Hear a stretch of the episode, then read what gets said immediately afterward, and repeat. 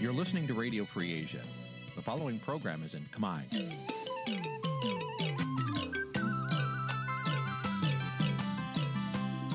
Nǐ chi càm bi tiệp xáy vệt chiu a zì sê ray នេះជាកម្មវិធីផ្សាយរបស់ Vithu Azisari ជាភាសាខ្មែរ វត្តឈូអាស៊ីសេរីសូមស្វាគមន៍លោកអ្នកនាងទាំងអស់ពីរដ្ឋធានី Washington នៃសហរដ្ឋអាមេរិក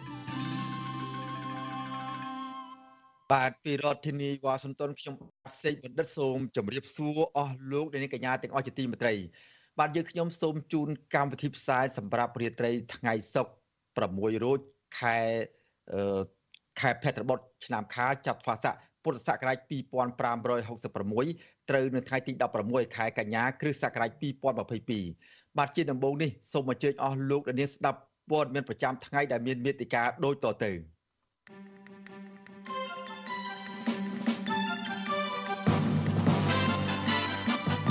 អញ្ញាធរនិងសន្តិសុខក្រុមហ៊ុន Nagawal វាយកូតកោ Nagawal ម្នាក់ឲ្យសន្លប់និងរបួសជាច្រើនអ្នកពលរដ្ឋបញ្ជាក់ថាស្ថាប័នផ្ដល់ប្រាក់កម្ចីពិតជាបង្ខំឲ្យពួកគាត់លក់ផ្ទះនិងដីដើម្បីសងបំណុល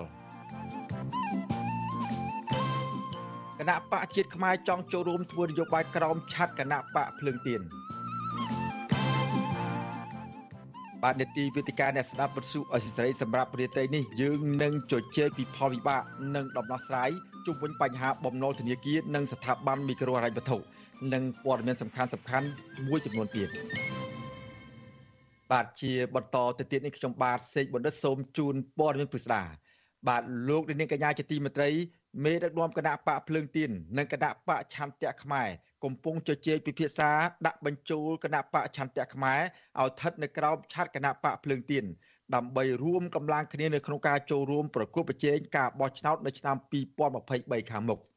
បាទអ្នកខ្លំមើលការបោះឆ្នោតថាការរួបរวมគ្នារវាងគណៈបកនយោបាយក្រៅរដ្ឋាភិបាលទោះក្នុងរូបភាពបែបណាក៏ដោយក៏អាចធ្វើឲ្យពួកគេមានកម្លាំងនយោបាយខ្លាំងជាងការធ្វើនយោបាយដាច់បល័យពីគ្នាដែរបាទ អ្នករាយការណ៍ប្រចាំតំបន់អាស៊ីប៉ាស៊ីហ្វិករបស់វិទ្យុអេស៊ីសេរីលោកថាថៃរាយការណ៍ជុំវិញព័ត៌មាននេះបើទោះបីជាគម្រោងរួមបញ្ចូលគ្នានៃគណៈបកឆន្ទៈខ្មែរនិងគណៈបកភ្លឹងទៀនស្ថិតក្នុងការជជែកគ្នានៅឡើយប៉ុន្តែគណៈបកទាំងពីរហាក់បង្ហាញចំហកាន់តែខិតជិតគ្នាដោយគណៈបកឆន្ទៈខ្មែរចង់ចូលរួមធ្វើនយោបាយក្រមស្លាកគណៈបកភ្លឹងទៀនទោះជាយ៉ាងណាគណៈបកទាំងពីរនេះត្រូវការពេលវេលាជជែកគ្នាបន្ថែមទៀតពីរូបមន្តនៃការរួមបញ្ចូលគ្នានេះ ប្រធានគណៈបកឆន្ទៈខ្មែរលោកគង់មូនីកាយល់ថាគណៈបកភ្លើងទៀនមានលក្ខណៈសម្បត្តិនិងធនធានគ្រប់គ្រាន់ក្នុងការជួយឲ្យមានការរួបរមឬការចងសម្ព័ន្ធភាពនៃអ្នកប្រជាធិបតេយ្យលោកថាគម្រោងរួបរមគ្នានៃគណៈបកទាំងពីរមិនទាន់ចេញជារូបរាងនៅឡើយទេត្រូវរងចាំការឆ្លើយតបពីគណៈបកភ្លើងទៀនលោកបន្តថាប្រសិនបើមានការរួមបញ្ចូលគ្នាមែននោះគណៈបកឆន្ទៈខ្មែរ ចង់ឲ្យមានការដាក់បញ្ជីបេក្ខជនរួមគ្នាប៉ុន្តែស្ថិតក្រោមស្លាកគណៈបកភ្លើងទៀនយើងចង់បង្ហាញនៅជំរឿថាការដាក់បញ្ជីរួមគ្នាហ្នឹងគឺនៅក្រោមឆ័ត្រតែមួយហើយដូច្នេះអាចដូចលោកបានមានប្រសាសន៍ចឹងគឺថាគណៈបកភ្លើងទៀនខ្លះទៅហើយគណៈបកឆន្ទៈខ្មែរខ្លះទៅ ឬក៏វាមានគណៈបកដទៃផ្សេងទៀតអីចឹងអាចដាក់ដោយបេក្ខជនរបស់ខ្លួនមកក្រោមគណៈបកភ្លើងទៀនអីចឹងទៅបាទនេះជាគំនិតរបស់យើងក៏ប៉ុន្តែខ្ញុំមិនទាន់ដឹងថាតើវាអាចធ្វើទៅរួចឬក៏យ៉ាងណាដូចគ្នានេះដែរអនុប្រធានគណៈបកភ្លើងទៀនលោកជាបកំអៀងឲ្យដឹងថាគណៈបកទាំងពីរត្រូវសិក្សាជាមុនសិនដើម្បីត្រៀមដោះស្រាយបញ្ហាដែលកើតឡើងក្រោយការរួមបញ្ចូលគ្នានឹងត្រូវគិតគូរថាតើគូរក្សាទុកគណៈបកឆន្ទៈខ្មែរបែបណា លោកថានៅពេលដែលមានការព្រមព្រៀងជាឯកច្ឆន្ទគណៈបកភ្លើងទៀននឹងចេញសេចក្តីប្រកាសព័ត៌មានប្រាប់សាធារណជនឲ្យបានដឹងពីរឿងនេះ ហ្នឹងហើយនីតិវិធីណាមួយខ្ញុំយើងមិនទាន់ច្បាស់ទេតើយើងពេលដែលយើងសម្រេចពីផ្លូវការហើយយើងពេលហ្នឹងបានយើងចំណុចដឹងថាតើនីតិវិធីអីខ្លះដែលយើងអាចអាចស្រសួរនេះបានហើយសបត់នេះបានហើយចំណុចណាខ្លះដែលយើងត្រូវត្រូវរក្សាគណៈបកនេះមិនអាហ្នឹងយើងគង់ជជែកនេះសិនបាទយើងនឹងរកមធ្យោបាយគម្រោងរួបរวมគ្នានៃគណៈបកទាំងពីរពេលនេះកើតចេញពីគំនិតផ្ដួចផ្ដើមនៃគម្រោងការចងសម្ព័ន្ធភាពនៃគណៈបកក្រៅរដ្ឋាភិបាលចំនួន4 រួមមានគណៈបកភ្លើងទៀនគណៈបកប្រជាធិបតេយ្យមូលដ្ឋានគណៈបកកែតម្រង់កម្ពុជានិងគណៈបកឆន្ទៈខ្មែរ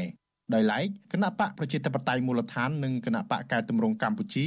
មិនទាន់បង្ហាញជំហរយល់ព្រមជ្រកក្រោមស្លាកគណៈបកភ្លើងទៀននោះទេដោយពួកគេចង់បានការរួបរวมមួយដែលយករូបមន្តនៃការចែកមណ្ឌលគ្នាបោះឆ្នោតឬរួមគ្នាបង្កើតគណៈបកថ្មី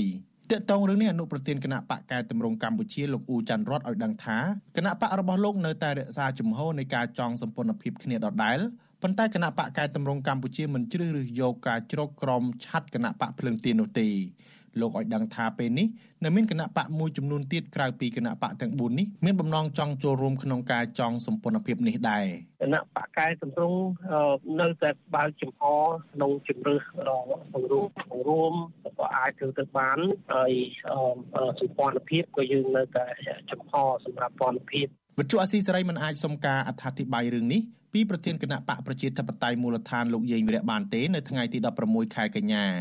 ទោះជាយ៉ាងណាគណៈបកប្រជាធិបតេយ្យមូលដ្ឋានលើកឡើងតាមទំព័រ Facebook របស់ខ្លួនថាការចងសម្ព័ន្ធភាពរវាងអ្នកស្រឡាញ់សេរីភាពនិងអ្នកប្រជាធិបតេយ្យជាកិច្ចការដ៏សែនពិបាកដែលមានការរំខាននឹងការទប់ស្កាត់ពីអ្នកមានអំណាចនិងភាពអាត្មានិយមដែលជាការសម្លឹងមើលប្រយោជន៍នយោបាយក្នុងរយៈពេលខ្លីទោះជាយ៉ាងណាគណៈបកប្រជាធិបតេយ្យមូលដ្ឋានថាខ្លួនមិនបានបោះបង់គំនិតក្នុងការបង្រួបបង្រួមនេះឡើយព្រោះមានសារៈសំខាន់ក្នុងការកសាងប្រជាធិបតេយ្យ និងការកាត់បន្ថយអំណាចគណៈបកប្រជាជនកម្ពុជាគណៈបកនេះលើកឡើងទៀតថាបើមិនមានការឈានដល់ការចងសម្ព័ន្ធភាពក្នុងឆ្នាំ2023ក្នុងការចែកមណ្ឌលគ្នាឈរទេក៏យ៉ាងហោចណាស់ត្រូវមានការសហការគ្នាក្នុងកម្រិតទាបបំផុតគឺការកសាងក្រមសីលធម៌រួមមួយដោយកុំជេរប្រមាថគ្នាកុំលៀបពួរគ្នានិងកុំវិប្រហាគ្នាក្នុងយុទ្ធនាការឃោសនាបោះឆ្នោតជាតិឆ្នាំ2023ខាងមុខជំវិញគម្រោងរួមគ្នានៃគណៈបកក្រៅរដ្ឋាភិបាលនេះដែរ អ្នកនាំពាក្យគណៈបកប្រជាជនកម្ពុជាលោកសុកអេសានយល់ថាគម្រោងរួបរวมគ្នានៃគណៈបកភ្លើងទៀននិងគណៈបកឆន្ទៈខ្មែរមិនបានគម្រាមកំហែងដល់គណៈបកប្រជាជនកម្ពុជាក្នុងការបោះឆ្នោតឆ្នាំ2023ខាងមុខនោះទេ 108ម៉ោងហ្នឹងក៏នៅតែចាញ់គណៈបកប្រជាជនដែរកុំឆ្ងល់ពីព្រោះតាក់ទាំងអស់108នោះវាចេញពីសង្គ្រោះជាតិតែឥឡូវនេះតែ2រឿងអីទៅមានកម្លាំងខ្លាំងតាមពិតទៅវាជាសិទ្ធិរបស់គាត់ទេរឿងជាសិទ្ធិនយោបាយក៏ប៉ុន្តែបើនិយាយថាឲ្យមានសក្តានុពលអីវាអត់ទេទោះជាយ៉ាងណាអ្នកសម្របសម្រួលផ្នែកអង្គិតរបស់អង្គការឃ្លាំមើលការបោះឆ្នោត Confrey លោកកនសវាងយល់ថាការរួមកម្លាំងគ្នារបស់គណៈបកនយោបាយក្រៅរដ្ឋាភិបាលជារឿងល្អ ជាងការធ្វើនយោបាយដោយគណៈបកនីមួយៗទៅប្រកួតប្រជែងជាមួយគណៈបកកណ្ដាលអំណាចលោកបន្តថាឆ្លងកាត់តាមបទពិសោធន៍ការបោះឆ្នោតឃុំសង្កាត់ថ្មីថ្មីនេះ អាចធ្វើឲ្យគណៈបកក្រៅរដ្ឋាភិបាលមានភាពចាស់ទុំក្នុងការរួបរวมគ្នានេះឆ្លងកាត់តាមរយៈនៃការបោះឆ្នោតឃុំសង្កាត់នេះគឺថាកម្លាំងខ្លួនឯងផលគណៈបកខ្លួនឯងមួយមួយនេះគឺអាចដឹងបានថាតើកម្លាំងគេហ្នឹងគឺមានប្រមាណហើយចូលរួមទៅអាចនឹងប្រកួតប្រជែងបានអាសនៈទេហើយបើចូលយ៉ាងម៉េចចូលយ៉ាងម៉េចអាហ្នឹងគឺថាអាចអាចដឹងបានហើយនៅក្នុងចំណុចហ្នឹងណាបាទ កាលពីការបោះឆ្នោតឃុំសង្កាត់អាណត្តិទី5គណៈបកក្រៅរដ្ឋាភិបាលបានខកខានក្នុងការរួបរวมគ្នាដែលបានធ្វើឲ្យគណៈបកកណ្ដាលអំណាចទទួលបានជ័យជំនះ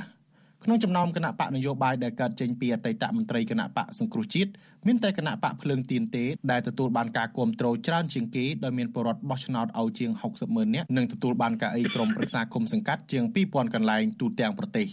ខ្ញុំថាថៃពីទីក្រុងមែលប៊ន បាទលោកនាងកញ្ញាជាទីមេត្រីលោកនាងកំពុងតាមដានស្ដាប់ការផ្សាយផ្ទាល់ពីរដ្ឋធានីវ៉ាស៊ីនតោនសហរដ្ឋអាមេរិកបាទក្រមកោតកោនាការវើលភ ieck ច្រើនជានារីបានទទួលរងអំពើហិង្សាពីសំណាក់ក្រមសន្តិសុខរបស់កាស៊ីណូយ៉ាងដំណំបណ្ដាលឲ្យមានការរងរបួសនិងសន្លប់បាទពួកគាត់ចាត់ទុកថាទង្វើនេះជាទង្វើអយុត្តិធម៌បន្ថែមពីលើការរំលោភសិទ្ធិការងាររបស់ម្ចាស់ក្រុមហ៊ុនបលបែងមួយនេះបាទមន្ត្រីអង្គការសង្គមស៊ីវិល ហៅថាការបានចាត់ទុកការធ្វើអំពើហិង្សានេះហើយនឹងការហើយនឹងចំណាត់ការរបស់ក្រុមហ៊ុន Nagavel គួរតែទទួលយកបុគ្គលិកចាស់ឲ្យចូលធ្វើការវិញដើម្បីបញ្ចប់ការធ្វើកោតកម្មនិងចោទប្រកាន់ថានឹងជៀសវាងការចោទប្រកាន់ថាក្រុមហ៊ុនមួយនេះមានបំណងឬអើងសហជីពបាទពីរដ្ឋធានី Washington អ្នកស្រីម៉ៅសុធីនីរាយការណ៍ជុំវិញព័ត៌មាននេះ ក្រុមគុតកោ Nagavel នៅថ្ងៃសុក្រនេះបន្តការធ្វើគុតកម្មនៅមុខក្រុមហ៊ុនលបែងកាស៊ីណូ Nagavel ក៏ប៉ុន្តែត្រូវបានក្រុមសន្តិសុខរបស់ក្រុមហ៊ុន ប្រើប្រាស់អំពើហិង្សារុញច្រានបណ្ដាលឲ្យមានអ្នករងរបួសនិងសន្លប់ គឧតកោ Nagawer រងគ្រោះម្នាក់គឺកញ្ញាពៅរស្មីប្រាប់វត្ថុស៊ីស្រីនៅថ្ងៃទី16ខែកញ្ញាថានាងបានទទួលអំពើហិង្សារហូតដល់សន្លប់នៅនឹងកន្លែងដោយសារតែក្រុមសន្តិសុខក្រុមហ៊ុនជាច្រើនអ្នកបានរុញសង្កត់ជាប់ទៅនឹងរនាំងដែកកញ្ញារៀបរាប់ថាកញ្ញាបានរងរបួសបែកមាត់ហូរឈាមបាក់ធ្មេញមុខនិងក្អកធ្លាក់ឈាម ក្នុងពេលដែលសន្លប់កញ្ញាបានលើកក្រុមគុតកោដតីទៀតស្រែកសុំពីក្រៅបារះដើម្បីចូលមកមើលកញ្ញាក៏ប៉ុន្តែកញ្ញាត្រូវក្រុមសន្តិសុខលើកបោះទៅលើចិញ្ចើមផ្លូវបណ្ដាលឲ្យរងរបួសបន្ថែមទៀតកញ្ញាចាត់ទុកថាទង្វើរបស់ក្រុមសន្តិសុខទាំងនោះគឺជាការប្រាអំពើហិង្សាប្រៃផ្សៃអមនុស្សធម៌និងបំពានច្បាប់យ៉ាងធ្ងន់ធ្ងរ គាត់ឲ្យកូនចៅរបស់គាត់ធ្វើការយកប្រាស់នឹងចងជាប់គ្នាហើយយកមកបរុញបបកពួកខ្ញុំគេតែគឺខ្លះព្រោះគាត់អត់ចិត្តឲ្យគាត់ទៅមិនរុញពួកខ្ញុំឲ្យចេញទៅក្រៅហ្មងស្តីងគ្នាដែរកុតកោ Nagawer រងគ្រោះម្នាក់ទៀត គឺកញ្ញាវ៉ាន់រីណាឲ្យដឹងថាក្រុមគុតកោបន្តការតវ៉ាជាធម្មតាក៏ប៉ុន្តែមួយសន្ទុះក្រោយមកកញ្ញាក៏បានឃើញក្រុមសន្តិសុខចេញមកប្រងព្រាតប្រមាណជា100នាក់យកខ្សែចងភ្ជាប់បារ៉ាស់បន្ទាប់មកពួកគេក៏បានគៀរុញមួយទំហឹងនិងអូសទាញក្រុមគុតកោឲ្យចេញពីមុខក្រុមហ៊ុន ធ្វើឲ្យគុតកោដួលហើយទង្គិចនិងរនាំងដៃដែលរងរបួសជាច្រើនអ្នក កញ្ញាចាត់ទុកថានេះមិនមែនជារឿងចម្លែកនោះទេដែលក្រុមសន្តិសុខទាំងនោះបានប្រាស្រ័យអំពើហិង្សាដល់ក្រុមគុតកោដែលជាអតីតបុគ្គលិកដូចគ្នា ដើម្បីការពារប្រយោជន៍អធិការបរទេសដែលបានរំលោភសិទ្ធិរបស់ជនជាតិខ្មែរនៅលើទឹកដីខ្មែរវាប៉ះពាល់ខ្លាំងណាស់បងសំខាន់អហង្សាមកលើរាងកាយចូលចិត្តតែការអូសបន្លាយពេលវេលាផ្ដាច់នៅសេដ្ឋកិច្ចរបស់ពួកយើង ទោះបីជាមានការបង្ក្រាបដោយកម្លាំងបាយពីអាជ្ញាធរនិងក្រុមសន្តិសុខរបស់ក្រុមហ៊ុន ហើយនឹងគ្មានប្រាក់ចំណូលក្តីក៏ស្ថានភាពក្រុមគុតកោអហិង្សាមួយនេះនៅតែបន្ត ក្រុមគុតកោប្រុសស្រីចំអិនមហូបជៀនពងទាសាច់ជ្រូក និងចង្ក្រានកាសក្រោមឆ័ត្រតូចៗនៅចន្លោះកណ្ដាលរនាំងការពារដែលមានក្រុមសន្តិសុខស្លៀកពាក់ស៊ីវិលឈរជុំវិញអ្នកខ្លះអង្គុយវាយស្គរផ្លុំត្រែប្រគំជាតន្ត្រី ដើម្បីផ្ដល់កម្លាំងចិត្តឲ្យអ្នកដែលលើកបដាតវ៉ាហើយខ្លះទៀតក៏មើលថែរក្សាអ្នករងរបួសឬសន្លប់និងមានគុតកោខ្លះបោះតង់ដេកនៅមុខកាស៊ីណូ Naga World តែម្ដង តាក់ទិនបញ្ហានេះវិទ្យុអសីស្រីនៅពុំទាន់អាចតាក់ទងអ្នកនាំពាក្យសាលារាជធានីភ្នំពេញលោកមេតមាសភក្តីនិងអ្នកនាំពាក្យក្រសួងការងារលោកហេងសួរដើម្បីសុំការបកស្រាយជំវិញបញ្ហានេះបានដល់ឡើយទេ នៅថ្ងៃទី16ខែកញ្ញា ជុំវិញរឿងនេះប្រធានសហព័ន្ធសហជីពចំណីអាហារនិងសេវាកម្មកម្ពុជា អ្នកស្រីឧទេផលីនយល់ឃើញថាវាគ្មានអ្វីជាការលំបាកនោះឡើយប្រសិនបើក្រុមហ៊ុន Nagavel មានឆន្ទៈក្នុងការដោះស្រាយបញ្ហានេះពិតប្រាកដនោះ ប៉ុន្តែអ្នកស្រីមើលឃើញថាកត្តាដែលក្រុមហ៊ុន នៅតែឲ្យកម្មករបន្តធ្វើកតកម្មនោះទោះបីជារឿងប៉ះពាល់មុខមាត់ក្រុមហ៊ុនបែបនេះក្តី គឺដោយសារក្រុមហ៊ុនហាក់មានបំណងចង់រំលាយសហជីពតែប៉ុណ្ណោះអ្នកស្រីលើកឡើងថារដ្ឋាភិបាលនិងក្រុមហ៊ុន គួរតែបញ្ចប់វិវាទការងារមួយនេះដោយសន្តិវិធី និងទៅតាមនីតិវិធីច្បាប់ដើម្បីស្ដារមុខមាត់ក្រុមហ៊ុន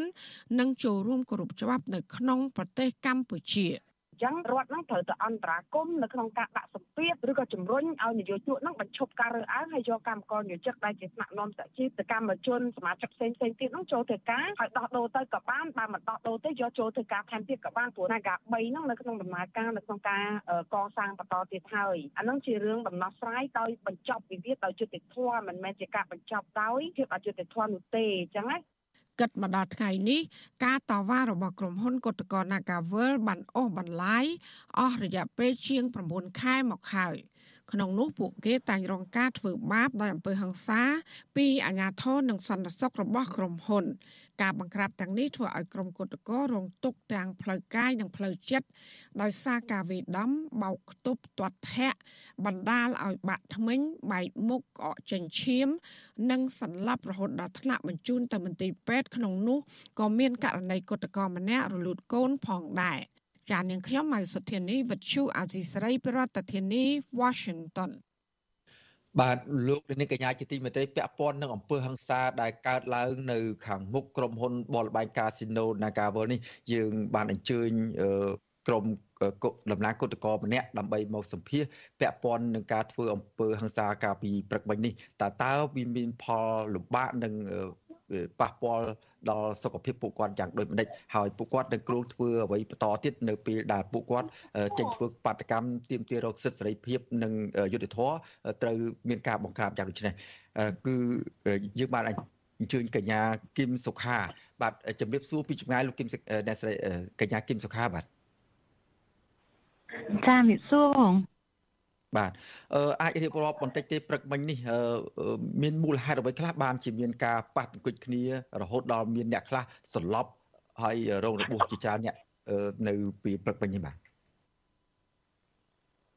អឺព្រឹកមិញហ្នឹងខ្ញុំ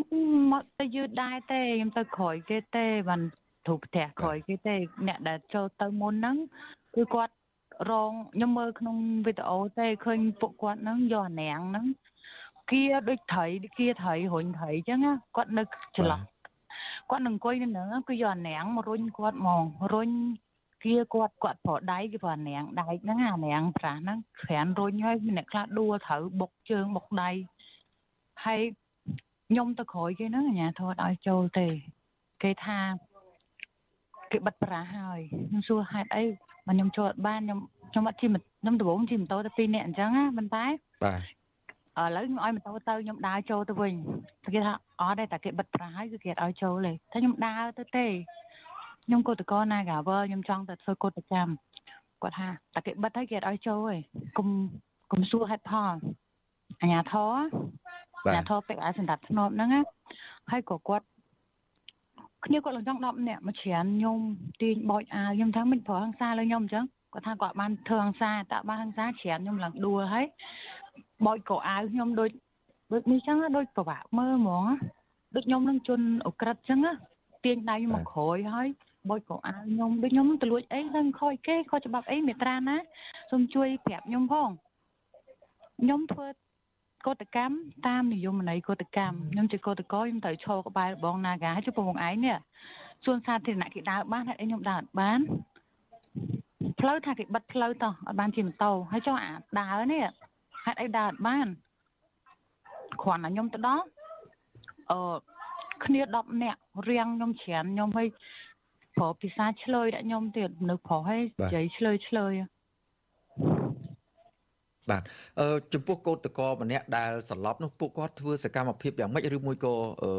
មានបញ្ហាអីបានជាបាតុកិច្ចរហូតដល់ពួកគាត់នឹងសន្លប់នោះបាទពួកគាត់ព្យាយាមរុញច្រានគាត់នឹងឲ្យចេញពីមុខ របង Nagawer ឲ្យមកនៅទៅលើផ្លូវ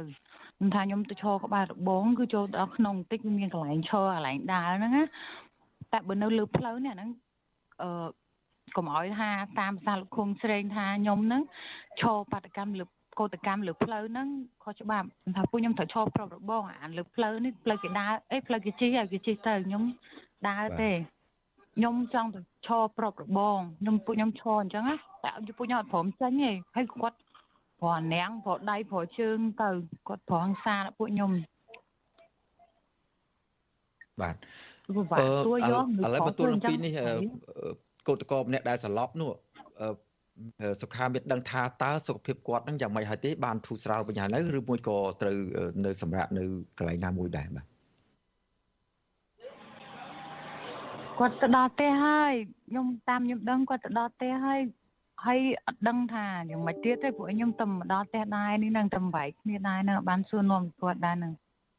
បាទអរគុណឥឡូវបញ្ហាមួយទៀតដែលយើងឃើញថាការធ្វើកោតកម្មនៅខាងមុខក្រុមហ៊ុន Nagawal នេះកាលពីអំឡុងពេលអ្នករាយការណ៍ពិសេសនៃអង្គការសហប្រជាជាតិនៅកម្ពុជានឹងប្រចាំនៅកម្ពុជាគឺលោកវិទិតមុនតបន បងទស្សនកិច្ចនឹងឲ្យបានទៅឃ្លាំមើលដល់កន្លែងធ្វើកោតកម្មរបស់ក្រមកោតក្រ Nagawal ផងនោះឃើញអាជ្ញាធរហាក់បីដូចជាមានរក្សាភាពស្ងប់ស្ងាត់ហើយបើកទូលាយឲ្យមានការធ្វើកោតកម្មតាំងពីនៅតំបន់ឆ្ងាយកន្លែង Nagawal 1 Nagawal 2រហូតទៅដល់គិនឹងមុខរបង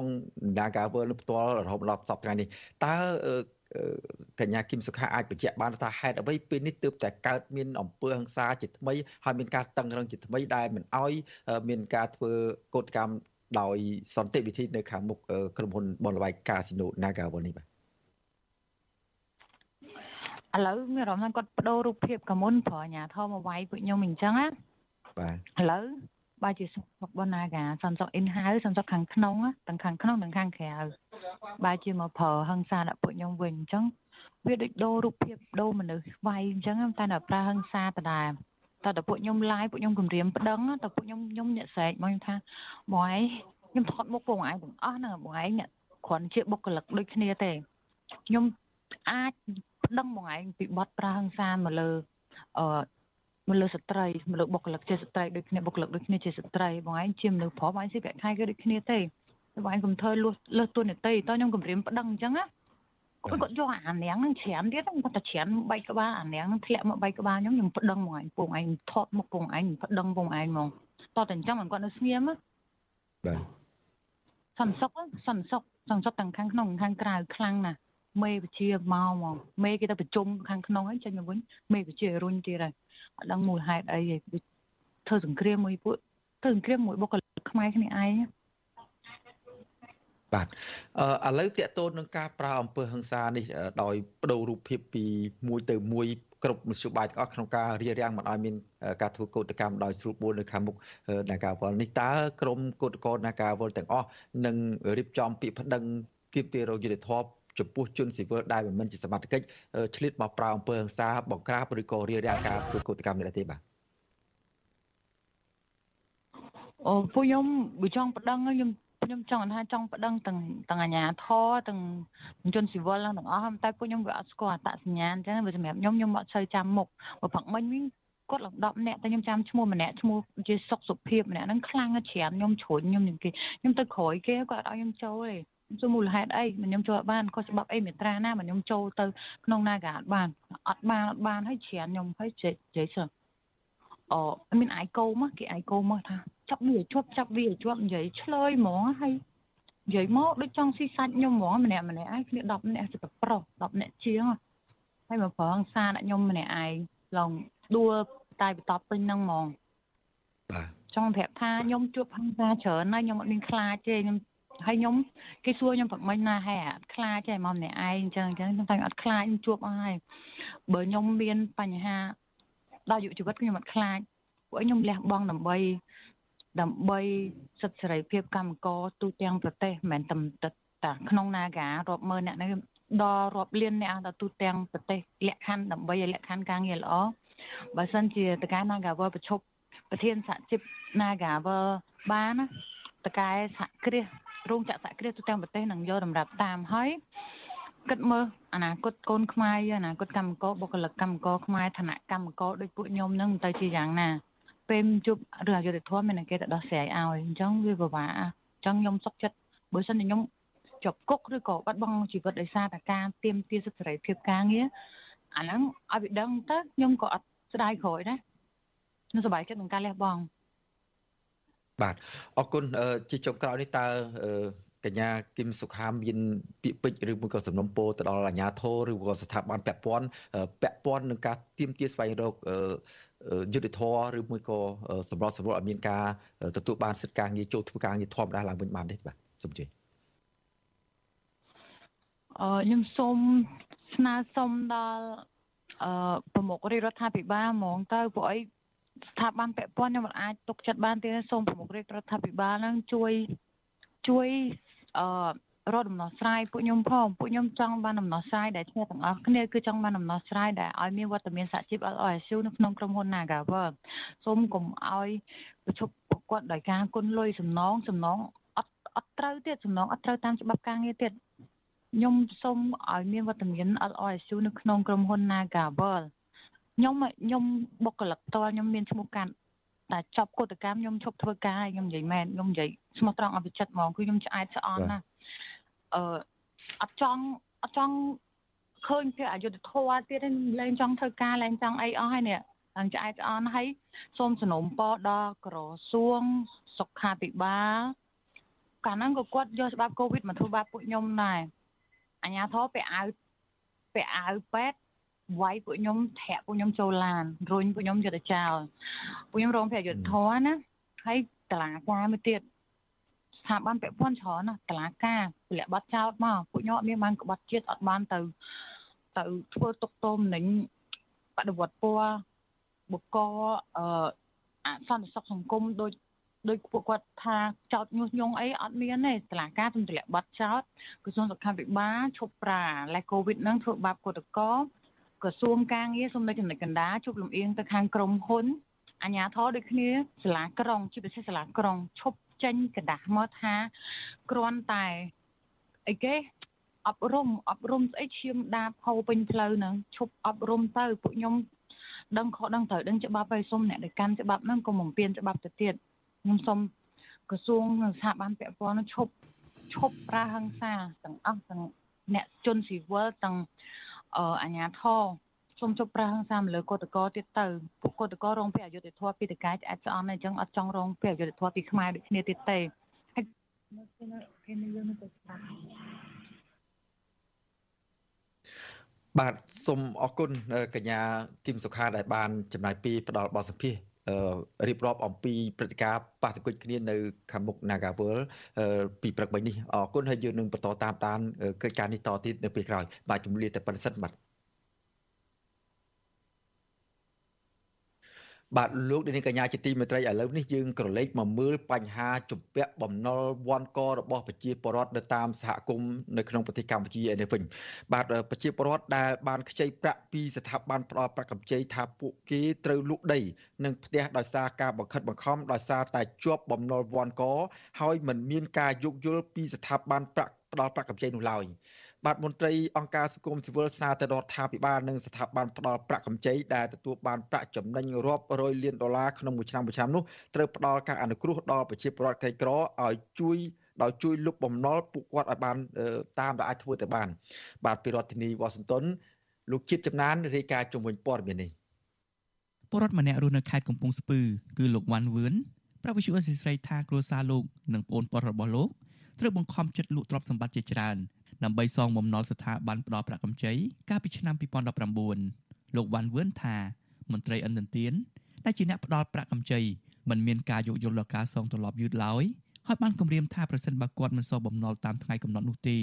នោះគេនឹងលក់ដីដែលបានដាក់តម្កល់ក្នុងតម្លៃឡៃឡុងដូចនេះលោកបានលក់គោនិងខ្ចីប្រាក់ឯកជនដែលមានការប្រាក់ខ្ពស់បន្ថែមដើម្បីសងបំណុលឲ្យទាន់ពេលវេលា វាយើងយល់យ៉ាងស្ទឹងណាស់គេអាចខានផ្ដល់ពេលវេលាឲ្យយើងរយៈពេលមួយអាទិត្យនឹងយ៉ាងយូរប្រហែលបងត្រង់ថ្ងៃទី10ហើយដល់គេមកយើងអត់យើងគូថាខ្ញុំអត់មានលុយទេឥឡូវគេកំណត់ថាអ្នកឯងដល់ថ្ងៃនេះខ្ចីពីណាក៏ដោយឬក៏ធ្វើអីក៏ដោយត្រូវបានតែខ្ញុំមិនបានទេប្លង់ដីហ្នឹងគេនឹងវេយកលុកឡាយឡងអីណានៃផ្សេងអញ្ចឹងបើអញ្ចឹងពួកខ្ញុំខ្លាចដែរក៏ចេះដើរយកលុយគេឯកជននៅចិត្តចិត្តនឹងទៅដើម្បីធ្វើម៉េចឲ្យបានដល់ថ្ងៃកំណត់គេនឹងបានលុយបងឲ្យគេទៅបីការប្រាក់ពោះយ៉ាងណាក៏ដោយក៏ត្រមមករួចរយៈពេលហ្នឹងដែរដោយសារមានការគេជំរាបយកប្លង់លុកឡាយឡងអីចឹងណា លោកវ៉ាន់វឿនបន្ថែមថាមូលហេតុដែលធ្វើឲ្យលោកមិនមានលទ្ធភាពសងប្រាក់ទាន់ពេលវេលាគឺដោយសារតែគ្រួសាររបស់លោកបានចាញ់បោកក្រុមហ៊ុនលក់ថ្នាំបំពន់សុខភាពមួយហើយលោកថាគ្រួសាររបស់លោកបានកាត់បន្ថយចំណាយលើម្ហូបអាហារនិងមិនដែលទិញសម្លៀកបំពាក់ថ្មីស្លៀកពាក់នោះទេពេលគ្មានប្រាក់គ្រប់គ្រាន់ដើម្បីសងបំណុលជាមួយគ្នានេះលោកថាគ្រួសារប្អូនប្រុសរបស់លោកដែលលោកបានរួមគ្នាខ្ចីប្រាក់នោះបានបែកបាក់គ្នារហូតមកដល់សប្តាហ៍ថ្ងៃដោយសារតែបំណុលវ៉ាន់ក ហើយលោកនិងប្អូនប្រុសរបស់លោកសម្រាប់ចិត្តលក់ដីក្នុងតម្លៃទាបដើម្បីសងបំណុលដល់ពេលលុកដីនឹងបញ្ញាបត្រនឹងដីនឹងអ្នកកម្ចីឯកជននឹងពីមកចម្រៀងយកមកតាទៀតពីជន់លើជន់ហ្នឹងដល់យើងដោះស្រាយឲ្យគេមិនបានអាខាងនេះក៏គេរឹបឯកជននឹងគេរឹបអញ្ចឹងដីវាតម្លៃត្រូវតែលក់បាន20000ឬក៏ជិត20000ហ្នឹងអាចនៅជិតតែ10000ជាងជួយអញ្ចឹង ស្រដៀងគ្នានេះដែរពលរដ្ឋម្នាក់ទៀតរស់នៅខេត្តបន្ទាយមានជ័យគឺលោកស្រីព្រឿនឆយប្រាប់វិសុអសិសរីថាគ្រួសាររបស់លោកស្រីត្រូវបង្ខំចិត្តលក់ដីពីកន្លែងដើម្បីសងបំណុលដល់ស្ថាប័នផ្ដល់ប្រាក់កម្ចីកាលពីឆ្នាំ2018លោកស្រីបន្ថែមថាគ្រួសាររបស់លោកស្រីបានជំពាក់បំណុលវ៉ាន់កដោយបានខ្ចីប្រាក់ឯកជន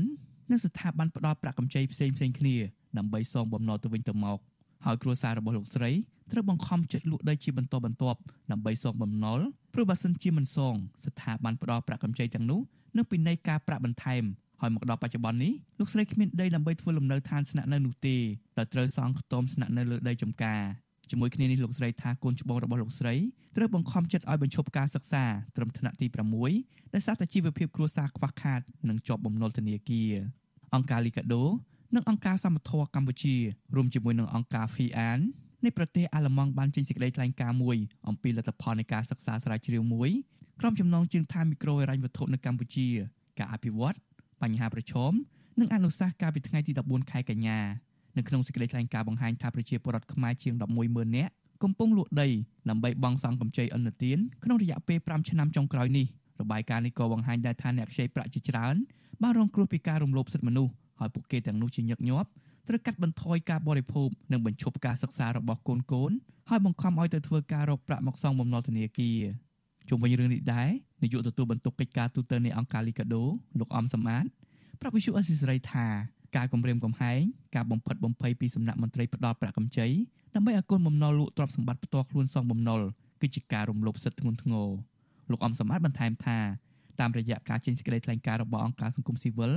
គឺមិនមានគោលបំណងដើម្បីបង្ខូចគេស្ថាប័នមីក្រូហិរញ្ញវត្ថុនោះទេផ្ទុយទៅវិញគឺជាការផ្ដល់យោបល់ឲ្យមានការកែលម្អដល់មុខមាត់ស្ថាប័នមីក្រូហិរញ្ញវត្ថុនិងរដ្ឋាភិបាលកម្ពុជាដើម្បីឲ្យបញ្ជាកុំឲ្យមានការរំលោភសិទ្ធិមនុស្សបន្តទៀតនៅក្នុងដំណើរការផ្ដល់ប្រាក់កម្ចីទោះជាយ៉ាងណាលោកអំសម្បត្តិនៅតែអះអាងថាការគិតការប្រាក់18%ប្រចាំឆ្នាំវានៅតែខ្ពស់សម្រាប់ការផ្ដល់ប្រាក់កម្ចីព្រោះកម្ចីទាំងនោះបានបុកបន្ថែមសេវាផ្សេងផ្សេងទៀត យើងសង្កេតឃើញថាអត្រាការប្រាក់18%ហ្នឹងវាមិនមែនផលប្រយោជន៍ដែលទទួលបានទៅលើអតិថិជនឬក៏កូនបំណុលហ្នឹងទាំងស្រុងដោយសារតែ18%ហ្នឹងគឺបូកបញ្ចូលទាំងសេវារដ្ឋបាលហើយនឹងកិច្ចការរួមឧទាហរណ៍ថាកម្ចី5000ហើយអាចសេវារដ្ឋបាល200 300បន្ថែមទៀតបូកបញ្ចូលទៅកិច្ចការទាំងសេវារដ្ឋបាល ចឹងហើយបានជាអង្គការសង្គមស៊ីវិលយើងទទូចថាសូមឲ្យកំកិច្ចការទាំងសេវារដ្ឋបាលដែលពួកគាត់អត់បានទទួលឆ្លើយតបនឹងបញ្ហានេះដែរអ្នកនាំពាក្យសមាគមមីក្រូហិរញ្ញវត្ថុកម្ពុជា លោកកាំងតុងងីប្រាប់វិសុអសិសរីថាសេចក្តីថ្លែងការណ៍របស់អង្គការសង្គមស៊ីវិលទាំងនេះមិនបានឆ្លុះបញ្ចាំងពីរបាយការណ៍ទាំងមូលនោះទេ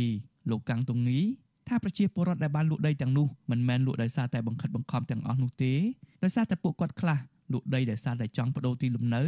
ឬលក់ដោយសារតែចង់បានទុនរកស៊ីបន្ថែមទៀតទោះជាយ៉ាងណាលោកកាំងតុងងីទទួលស្គាល់ថាមន្ត្រីស្ថាប័នហិរញ្ញវត្ថុខ្លះបានអនុវត្តខុសក្រមសីលធម៌ហើយសមាគមមីក្រូហិរញ្ញវត្ថុក៏កំពុងបង្កើនវគ្គបណ្ដុះបណ្ដាលក្រមសីលធម៌វិជ្ជាជីវៈដល់មន្ត្រីអន្តទានទាំងនោះដែរ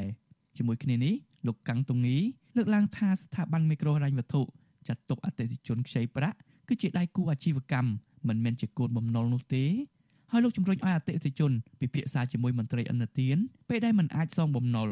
វិស័យនេះតែងតែចាប់ទុកអតិជនជាដៃគូអាជីវកម្មដែលស្មើគ្នាអញ្ចឹងនៅពេលដែលបងប្អូនមានបញ្ហាអីមួយបងប្អូនមានសិទ្ធិសួរនាំបងប្អូនមានសិទ្ធិតថ្លៃទៅលើតម្លៃដែលគេដាក់ជូនបងប្អូនហ្នឹងហើយនៅពេលដែលយើងប្រើប្រាស់សេវាហើយមានបញ្ហាកើតឡើងមានបញ្ហាប្រឈមការលំបាកអីផ្សេងៗហ្នឹងក៏សូមលើកទឹកចិត្តឲ្យបងប្អូនហ្នឹងទៅចែករកដំណោះស្រាយជាមួយមន្ត្រី អន្តទានដើម្បីរិះរកដំណោះស្រាយណាមួយទទួលបន្ថយនៅបញ្ហារបស់ប្រជាជនខ្លួនឯងហ្នឹង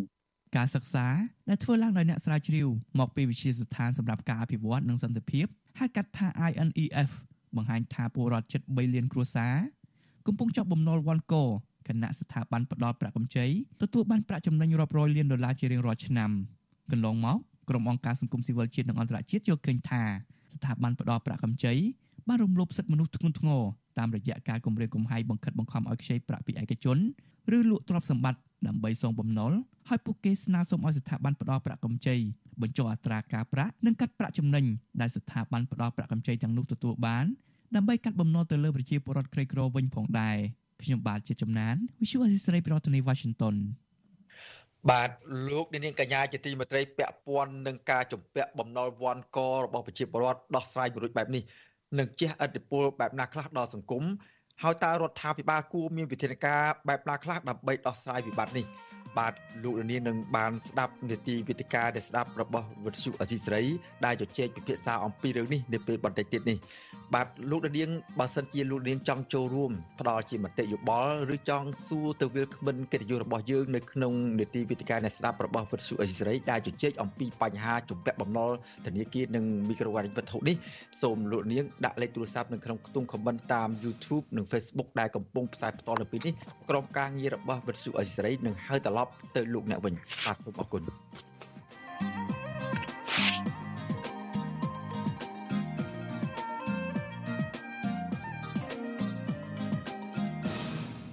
បាទលោកនេះកញ្ញាជាទីមន្ត្រីពាក់ព័ន្ធនឹងការធ្វើចំនួនពាណិជ្ជកម្មរវាងកម្ពុជាឬក៏ប្រទេសនៅក្នុងតំបន់អាស៊ានជាមួយនឹងប្រទេសចិនឯនោះវិញបាទអ្នកជំនាញកិច្ចការអន្តរជាតិលើកឡើងថាក្របខ័ណ្ឌអាស៊ានចិន បណ្ដាប្រទេសអាស៊ានមានទំហំពាណិជ្ជកម្មតូចហើយការនាំចេញផលិតផលទៅកាន់ប្រទេសចិនមិនទាន់មានលក្ខណៈទូលំទូលាយនៅឡើយទេបាទអ្នកជំនាញដដាលប្រមានថាបើប្រទេសអាស៊ានទាំងអស់គ្មានការពង្រឹងកត្តាផលិតផលផលិតកម្មនៅក្នុងក្របខ័ណ្ឌអាស៊ានរួមគ្នាឲ្យរឹងមាំនោះទេគឺប្រទេសអាស៊ានទាំងមូលគ្រាន់តែជាទីផ្សាររបស់ចិនដោយមិនមែនជាប្រទេសនាំចេញផលិតផលចេញទៅកាន់ប្រទេសចិននោះឡើយ។ បាទការលើកឡើងនេះក្រោយពីលោកនាយករដ្ឋមន្ត្រីហ៊ុនសែនជំរុញឲ្យអាស៊ានចិនពង្រីកវិសាលភាពកិច្ចសហប្រតិបត្តិការសេដ្ឋកិច្ចឲ្យកាន់តែទូលំទូលាយនិងស៊ីជម្រៅបន្ថែមទៀតបាទពីរដ្ឋធានីវ៉ាស៊ីនតោនលោកយ៉ងច័ន្ទដារារាយការណ៍ជំវិញព័ត៌មាននេះសាស្ត្រាចារ្យផ្នែកវិទ្យាសាស្ត្រនយោបាយនិងកិច្ចការអន្តរជាតិលោកអែមសវណ្ណារាប្រាប់វិទ្យុអាស៊ីសេរីនៅថ្ងៃទី16កញ្ញាថា ក្របខ័ណ្ឌទំនាក់ទំនងអាស៊ានចិននៅមានកិច្ចការមួយចំនួន ដែលភាគីទាំងពីរមិនទាន់មានភាពស៊ីសង្វាក់គ្នានៅឡើយទេនៅក្នុងនោះលើកលែងតែកម្ពុជា ដែលបានចុះកិច្ចព្រមព្រៀងពាណិជ្ជកម្មសេរីជាមួយចិនក៏ប៉ុន្តែសមាជិកអាស៊ានមួយចំនួនទៀតមិនទាន់ចុះកិច្ចព្រមព្រៀងនេះជាមួយចិននៅឡើយទេលើពីនេះទៅទៀតលោកអែមសវណ្ណារាសង្កត់ធ្ងន់ថាទំហំផលិតកម្មរបស់អាស៊ានក្នុងការនាំចេញទៅកាន់ប្រទេសចិននោះនៅមិនទាន់មានភាពទូលំទូលាយនៅឡើយ ខណៈប្រទេសចិនបានបន្តនាំចូលផលិតផលដើម្បីលក់នៅក្នុងប្រទេសសមាជិកអាស៊ានដូចជាកម្ពុជាជាដើមកាន់តែទូលំទូលាយ កម្ពុជាហ្នឹងក៏ជាប្រទេសមួយដែលយើងអត់ទាន់បង្កើនកត្តាផលិតកម្មទេយើងមានតែរបាំងពាណិជ្ជកម្មយើងជាប់ពាក់ព័ន្ធទៅនឹងការនាំចេញនាំចូលគិតពន្ធហើយនឹងលំហូរទុនមានការទូលំនិតតឹងរឹងកាលណាយើងបើកការតែរបាំងពាណិជ្ជកម្មហ្នឹងយើងលើកលែងពន្ធហើយជាបឋមគឺធ្វើឲ្យសមាគមអាស៊ាននេះដែលមាន10ប្រទេសហ្នឹងធ្វើម៉េចលុបបំបត្តិអាការបង់ពន្ធទំនិញហ្នឹងពីព្រោះយើងបញ្ចូលនៅក្នុងឆ្នាំ2015យើងពជាមរាប់ដើមឆ្នាំ2017បានចូលទៅជាសហគមន៍អាស៊ានប៉ុន្តែសហគមន៍អាស៊ានហ្នឹងមានជាប់របាំងពន្ធលើទំនិញប្រភេទមួយចំនួនដែលគោលនយោបាយមួយគោលនយោបាយសេដ្ឋកិច្ចមួយដើម្បីលើកស្ទួយឬក៏បង្កើនកត្តាផលិតកម្មនៅប្រទេសអាស៊ានថ្មីមាន4ប្រទេសហ្នឹងកម្ពុជាវៀតណាមឡាវនិងភូមាហ្នឹងការលើកឡើងរបស់អ្នកជំនាញកិច្ចការអន្តរជាតិរូបនេះគឺបន្ទាប់ពីលោកនាយរដ្ឋមន្ត្រីហ៊ុនសែនបានជំរុញឲ្យអាស៊ាននិងចិនពង្រីកវិសាលភាពកិច្ចសហប្រតិបត្តិការសេដ្ឋកិច្ចឲ្យកាន់តែទូលំទូលាយនិងស៊ីជម្រៅព្រមទាំងកាត់បន្ថយរបាំងពាណិជ្ជកម្មទំនិញសេវាកម្មនិងការវិនិយោគនានា លោកហ៊ុនសែនបានលើកឡើងទៀតថាអាស៊ាននិងចិនត្រូវជំរុញការអភិវឌ្ឍសេដ្ឋកិច្ច Digital កំណើនសេដ្ឋកិច្ចបៃតង និងការបង្កើនសមត្ថភាពសហគ្រាសធុនតូចនិងមធ្យម។ កិច្ចសហប្រណរដ្ឋការសេដ្ឋកិច្ចអាស៊ានចិនសម្រាប់បាននៅលទ្ធផលប្រកបដោយផ្លែផ្កាជាច្រើនចាប់តាំងពីការចុះហត្ថលេខាលើក្របខ័ណ្ឌកិច្ចព្រមព្រៀងស្តីពីកិច្ចសហប្រណរដ្ឋការសេដ្ឋកិច្ចគ្រប់ជ្រុងជ្រោយរវាងអាស៊ាននិងចិនក្នុងឆ្នាំ2002និងការចុះហត្ថលេខាលើកិច្ចព្រមព្រៀងពាណិជ្ជកម្មនិងវិនិយោគនានាជាបន្តបន្ទាប់លោកហ៊ុនសែនលើកឡើងបែបនេះ នៅក្នុងសន្ទរកថាបើកពិព័រណ៍ចិនអាស៊ានលើកទី19តាមប្រព័ន្ធវីដេអូនៅថ្ងៃទី16កញ្ញាលោកហ៊ុនសែនរំពឹងថាការចាប់ផ្ដើមអនុវត្តកិច្ចព្រមព្រៀងភាពជាដៃគូសេដ្ឋកិច្ចគ្រប់ជ្រុងជ្រោយតំបន់ហៅកាត់ថា ASEP ឆ្នាំ2022នឹងនាំមកនូវឱកាសធ្វើពាណិជ្ជកម្មនិងវិនិយោគជាច្រើនសម្រាប់ប្រទេសនៅក្នុងតំបន់ក្រៅពីនេះលោកហ៊ុនសែនជឿជាក់ថាវាក៏ជាការចូលរួមចំណែកយ៉ាងសំខាន់នៅក្នុងការលើកស្ទួយដល់ការលូតលាស់សេដ្ឋកិច្ច និងក្លាយជាក្របខ័ណ្ឌស្នូលនៅក្នុងការស្ថាបនាតំបន់ពាណិជ្ជកម្មសេរីអាស៊ានចិននៅថ្ងៃអនាគតផងដែរកាលពីឆ្នាំ2021ទំហំពាណិជ្ជកម្មអាស៊ានចិន មានចំនួនជិត9000លានដុល្លារអាមេរិកដោយប្រទេសចិនកុម្មុយនីសនាំចេញផលិតផលទៅប្រទេសអាស៊ាន មានចំនួនជិត5000លានដុល្លារខណៈអាស៊ាននាំចេញផលិតផលទៅប្រទេសចិនវិញ មានជិត4000លានដុល្លារអ្នកជំនាញផ្នែកវិទ្យាសាស្ត្រនយោបាយ និងកិច្ចការអន្តរជាតិលោកអែមសវណ្ណារា លើកឡើងថាមូលហេតុដែលកត្តាផលិតកម្មបណ្ដាប្រទេសអាស៊ានមិនអាចនាំចេញទៅប្រទេសចិនបានទូលំទូលាយនោះគឺដោយសារតែផលិតកម្មរបស់ប្រទេសអាស៊ាននៅមានកម្រិតនៅឡើយអ្នកជំនាញរូបនេះជំរុញដល់ប្រទេសអាស៊ានគួរតែពង្រឹងនិងបង្កើនទំហំពាណិជ្ជកម្មនៅក្នុងក្របខ័ណ្ឌអាស៊ានរួមគ្នាដើម្បីឲ្យទំនាក់ទំនងពាណិជ្ជកម្មអាស៊ាននិងចិនមានតុល្យភាព ហើយជាពិសេសគឺដើម្បីបញ្ជៀសបញ្ហាប្រឈមរបស់អាស៊ានខ្លួនឯងផ្ទាល់កុំឲ្យคล้ายទៅជាកូនអុកឬជាទីផ្សារសម្រាប់តែទទួលផលិតផលពីប្រទេសចិនខ្ញុំយ៉ងច័ន្ទដារាវិទ្យុអាស៊ីសេរីរាយការណ៍ពីរដ្ឋធានី Washington បាទលោកនាងកញ្ញាជាទីមេត្រីលោកនាងកំពុងតាមដានស្ដាប់ការផ្សាយរបស់វិទ្យុអេស៊ីសេរីពីរដ្ឋធានីវ៉ាស៊ីនតោនសហរដ្ឋអាមេរិកបាទ ក្រៅពីលោកនាងតាមដានស្ដាប់ការផ្សាយរបស់យើងខ្ញុំតាមរយៈបណ្ដាញសង្គម Facebook និង YouTube នេះលោកនាងក៏អាចស្ដាប់ការផ្សាយរបស់យើងខ្ញុំតាមរលកធាតុអាកាសវិទ្យុខ្លីដែរតាមពីព្រឹកពីម៉ោង5កន្លះ ដល់ម៉ោង6កន្លះតាមរយៈរលកធារកាខ្លី12140 kHz ស្មើនឹងកម្ពស់ 25m និង13715 kHz ស្មើនឹងកម្ពស់ 22m បាទនៅពេលយប់គឺចាប់ពីម៉ោង7កន្លះដល់ម៉ោង8កន្លះតាមរយៈរលកធារកាខ្លី9990 60 kHz ស្មើនឹងកម្ពស់ 30m និង12140 kHz ស្មើនឹងកម្ពស់ 25m និង11885 kHz ស្មើនឹងកម្ពស់ 25m បាទសូមអរគុណបាទលោកនាងកញ្ញាជាទីមេត្រីសមត្ថកិច្ចក្រសួងមហាផ្ទៃបានចេញលទ្ធផលស៊ើបអង្កេតដោយសន្និដ្ឋានថាលោកពេជ្រធីរ៉េតដែលប៉ូលីសស្រុកសង្កែចាប់ឃុំខ្លួនសួរចម្លើយកាលពីដើមឆ្នាំ2021នោះហើយបានស្លាប់ដោយសារតែកាំងបេះដូងពុំមានជាប់ពាក់ព័ន្ធអំពើទរណកម្មនោះទេក៏ប៉ុន្តែក្រមសាច់ញាតិជនរងគ្រោះចាត់ទុកលទ្ធផលនេះផ្ទុយពីការពិត និងមិនចេះស្ដែងឡើយដែលមិនអាចទទួលដែលមិនអាចទទួលយកបាននិងមិនអាចឲ្យជឿជាក់បានឡើយបាទលោកនាងនឹងបានស្ដាប់សេចក្តីរាយការណ៍ពិស្ដារអំពីរឿងនេះនៅព្រឹកស្អែក thank you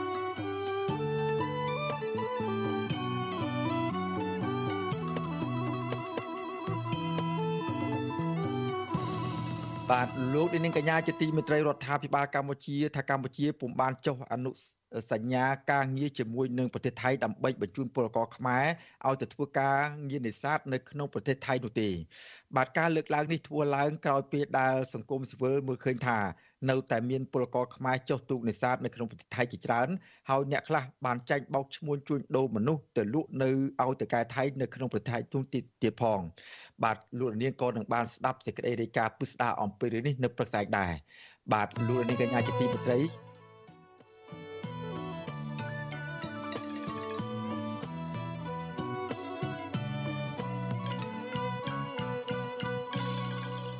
បាទលោកនាងកញ្ញាជាទីមេត្រីការផ្សាយព័ត៌មានប្រចាំថ្ងៃរបស់វិទ្យុអសីសេរីសម្រាប់រាត្រីនេះ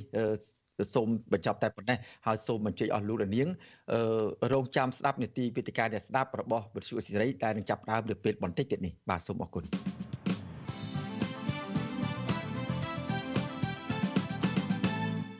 បាទលោកនាងកញ្ញាជាទីមេត្រីជាបន្តទៅទៀតនេះគឺជានីតិវិទ្យាអ្នកស្ដាប់របស់វិទ្យុអសីសេរី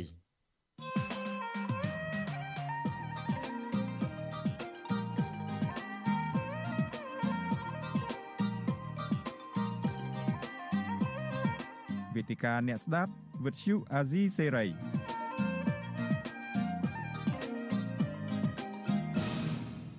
បាទលោកនាងកញ្ញាជាទីមេត្រីខ្ញុំបាទសេកមរិទ្ធសូមជម្រាបសួរអស់លោកនាងកញ្ញាជាថ្មីម្ដងទៀតនៅក្នុងនេតិវេទិកាអ្នកស្ដាប់របស់វិទ្យុអេស៊ីសេរីបាទ នីតិវេទិកាដែលស្ដាប់របស់វិទ្យុអាស៊ីសេរីសម្រាប់ប្រទេសនេះយើងនឹងជជែកពិភាក្សាគ្នាអំពីបញ្ហាជំពាក់បំណុលវ៉ាន់កជាមួយនឹងធនាគារនិងគ្រឹះស្ថានមីក្រូហិរញ្ញវត្ថុបាទដោយលោកនាងបានជ្រាបហើយថាអង្គការសង្គមស៊ីវិលនិងប្រជាពលរដ្ឋតែងតែចាត់ទុកទ្រព្យសម្បត្តិដីធ្លីជាដង្ហើមសេដ្ឋកិច្ចដ៏សំខាន់នៅក្នុងការទ្រទ្រង់ជីវភាពគ្រួសារប្រចាំថ្ងៃបាទពួកគាត់បានលើកឡើងថាមានដីមានជីវិតបាត់បង់ដីដូចបាត់បង់ជីវិត និងបាត់បង់សិទ្ធិសេរីភាពគ្រប់បែបយ៉ាងជាពិសេសសិទ្ធិរស់រានមានជីវិត បាទក៏ប៉ុន្តែថ្មីថ្មីនេះបណ្ដាអង្គការជាតិនិងអន្តរជាតិបានរកឃើញថាប្រជាពលរដ្ឋជិត2សែនអ្នកបន្ថែមទៀតកំពុងតែបង្ខំចិត្តលក់ដីដើម្បីដោះស្រាយបំណុលធនាគារ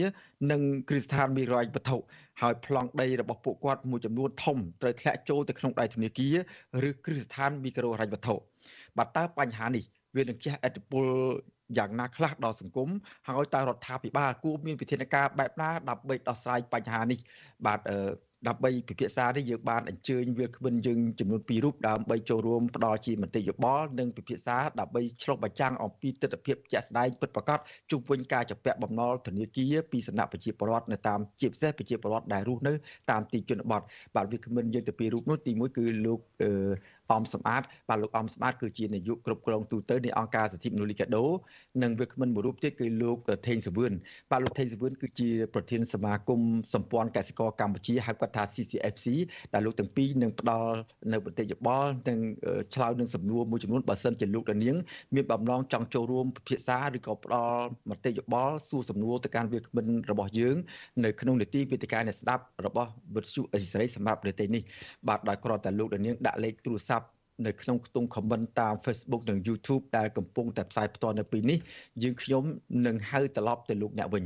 បាទឥឡូវនេះខ្ញុំបាទសូមជម្រាបសួរលោកវាគ្មិនទាំងពីររូបពីចម្ងាយបាទបាទសូមជម្រាបសួរលោកពេញបណ្ឌិតដូចជាសូមជម្រាបសួរអំផងដែរបាទបាទខ្ញុំបាទសូមជម្រាបសួរលោកអំសម្បត្តិលោកអំសម្បត្តិសូមអឺមានប្រសាសន៍ទីមើលតើខ្ញុំអាចឮសំឡេងលោកបានច្បាស់ដែរទេបាទ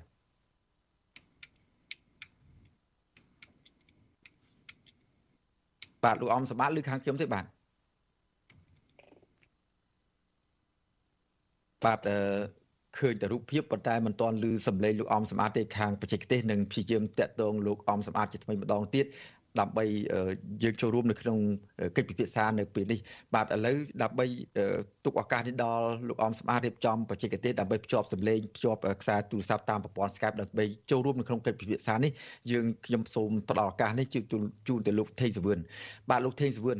មួយរយៈពេលចុងក្រោយនេះឃើញលោកចុះទៅតាមខេត្តតាមសហគមន៍ប្រជាពលរដ្ឋច្រើនណាស់ហើយសង្ឃឹមថាលោកក៏បានអានរបាយការណ៍ដែលរៀបចំដោយផ្សាយដោយ រដ្ឋាភិបាលរបស់អាល្លឺម៉ង់ហើយទន្ទឹមគ្នានេះក៏មានអង្គការចំនួន3ដែរគឺអង្គការលីកាដូអង្គការសមត្ថននិងអង្គការរបស់ប្រទេសជប៉ុនមួយនោះក៏បានចេញសេចក្តីថ្លែងការណ៍រួមគ្នាមួយដោយ លើកឡើងអំពីកង្វល់ពាក់ព័ន្ធនឹងរឿងបំណុលវាន់ករបស់ប្រជាសហគមន៍នៅក្នុងទីជនបទជាពិសេសប្លង់ដីប្លង់ទឹកមួយចំនួនហ្នឹងគឺថានៅក្នុងដៃធនាគារនិងគ្រឹះស្ថានមីក្រូអរិយវត្ថុហើយសេចក្តីរាយការណ៍របស់លោកជាតិចំណានមុននេះបន្តិចហ្នឹងក៏បានបញ្ជាក់ដែរថាប្រជាពលរដ្ឋពិតជាទទួលរងការគំរាមហើយមានការបង្ខិតបង្ខំពីមន្ត្រីនៃគ្រឹះស្ថានមីក្រូរ៉ៃវត្ថុថាឲ្យពួកគាត់លុកដី មួយក៏ធ្វើដោះស្រាយយ៉ាងម៉េចដើម្បីបានលុយយកមកសងបំណុលធនាគារបាទតើចំពោះបញ្ហានេះលោកថេសវឿនមើលឃើញទស្សនវិជ្ជាជាក់ស្ដែងយ៉ាងម៉េចដែរបាទអរគុណលោកសេងបណ្ឌិតក៏ដូចជាសូមក្រាបថ្វាយបង្គំព្រះថេរានិងធុរៈគ្រប់ព្រះអង្គនិងសូមជម្រាបសួរប្រិយមិត្តដែលកំពុងតាមដានស្ដាប់វេទិកាអ្នកស្ដាប់វិទ្យុអាស៊ីសេរីទាំងអស់ជាទីគោរពជាទីស្រឡាញ់អជាការប៉ັດហើយក្នុងរយៈពេល2ខែចុងក្រោយនេះ ខ្ញុំបានចុះជួបផ្ទាល់ជាមួយនឹងកសិករប្រជាពលរដ្ឋដែលជាអ្នករស់នៅជនបទហើយពិសេសគឺជាអតិថិជនរបស់ស្ថាប័នធនាគារឬក៏មីក្រូហិរញ្ញវត្ថុដែលរកស៊ីទៅលើវិស័យផ្ដល់នៅប្រាក់កម្ចីចងការប្រាក់អីជាដើមនៅក្នុងអាតំបន់ជនបទនៅខេត្តមួយចំនួនដែលសមាគមបានធ្វើការ ហើយសូមបញ្ជាក់ដែរថាការជួបនេះគឺជួបសម្រាប់តែតំបន់គោលដៅនៅក្នុងខេត្តសមាគមសម្ព័ន្ធសហគមន៍កសិករកម្ពុជា កំពុងធ្វើការទេហើយយើងបានស្ដាប់ឮហើយក៏ដូចជាបានស្វែងយល់និងស្រាវជ្រាវយ៉ាងយកចិត្តទុកដាក់អំពីបញ្ហាប្រឈមចំពោះបងប្អូនកសិករដែលជាអ្នកអឺកូនបំណុលឬក៏ជាអតិថិជនរបស់ ស្ថាប័នធនាគារមីក្រូហិរញ្ញវត្ថុដែលគាត់កំពុងតែមានបញ្ហាធ្ងន់ធ្ងរក្នុងការស្វះស្វែងរកថវិកាក៏ដូចជាប្រកាសពីផ្សេងផ្សេងទៅតាមលទ្ធភាពដើម្បីសងត្រឡប់ទៅកាន់ធនាគារឬក៏មីក្រូហិរញ្ញវត្ថុរបស់ពួកគាត់ដែលបានខ្ចីសម្រាប់បកបង្កើនផលផង សម្រាប់ប្រើប្រាស់នៅកំពុងតែបញ្ហាផ្សេងផ្សេងក៏ប៉ុន្តែ យើងឃើញថាបន្ទុកដ៏ធ្ងន់ធ្ងរនៃការជាប់ចម្ពាក់វគ្គវិននៃបំណុលនេះ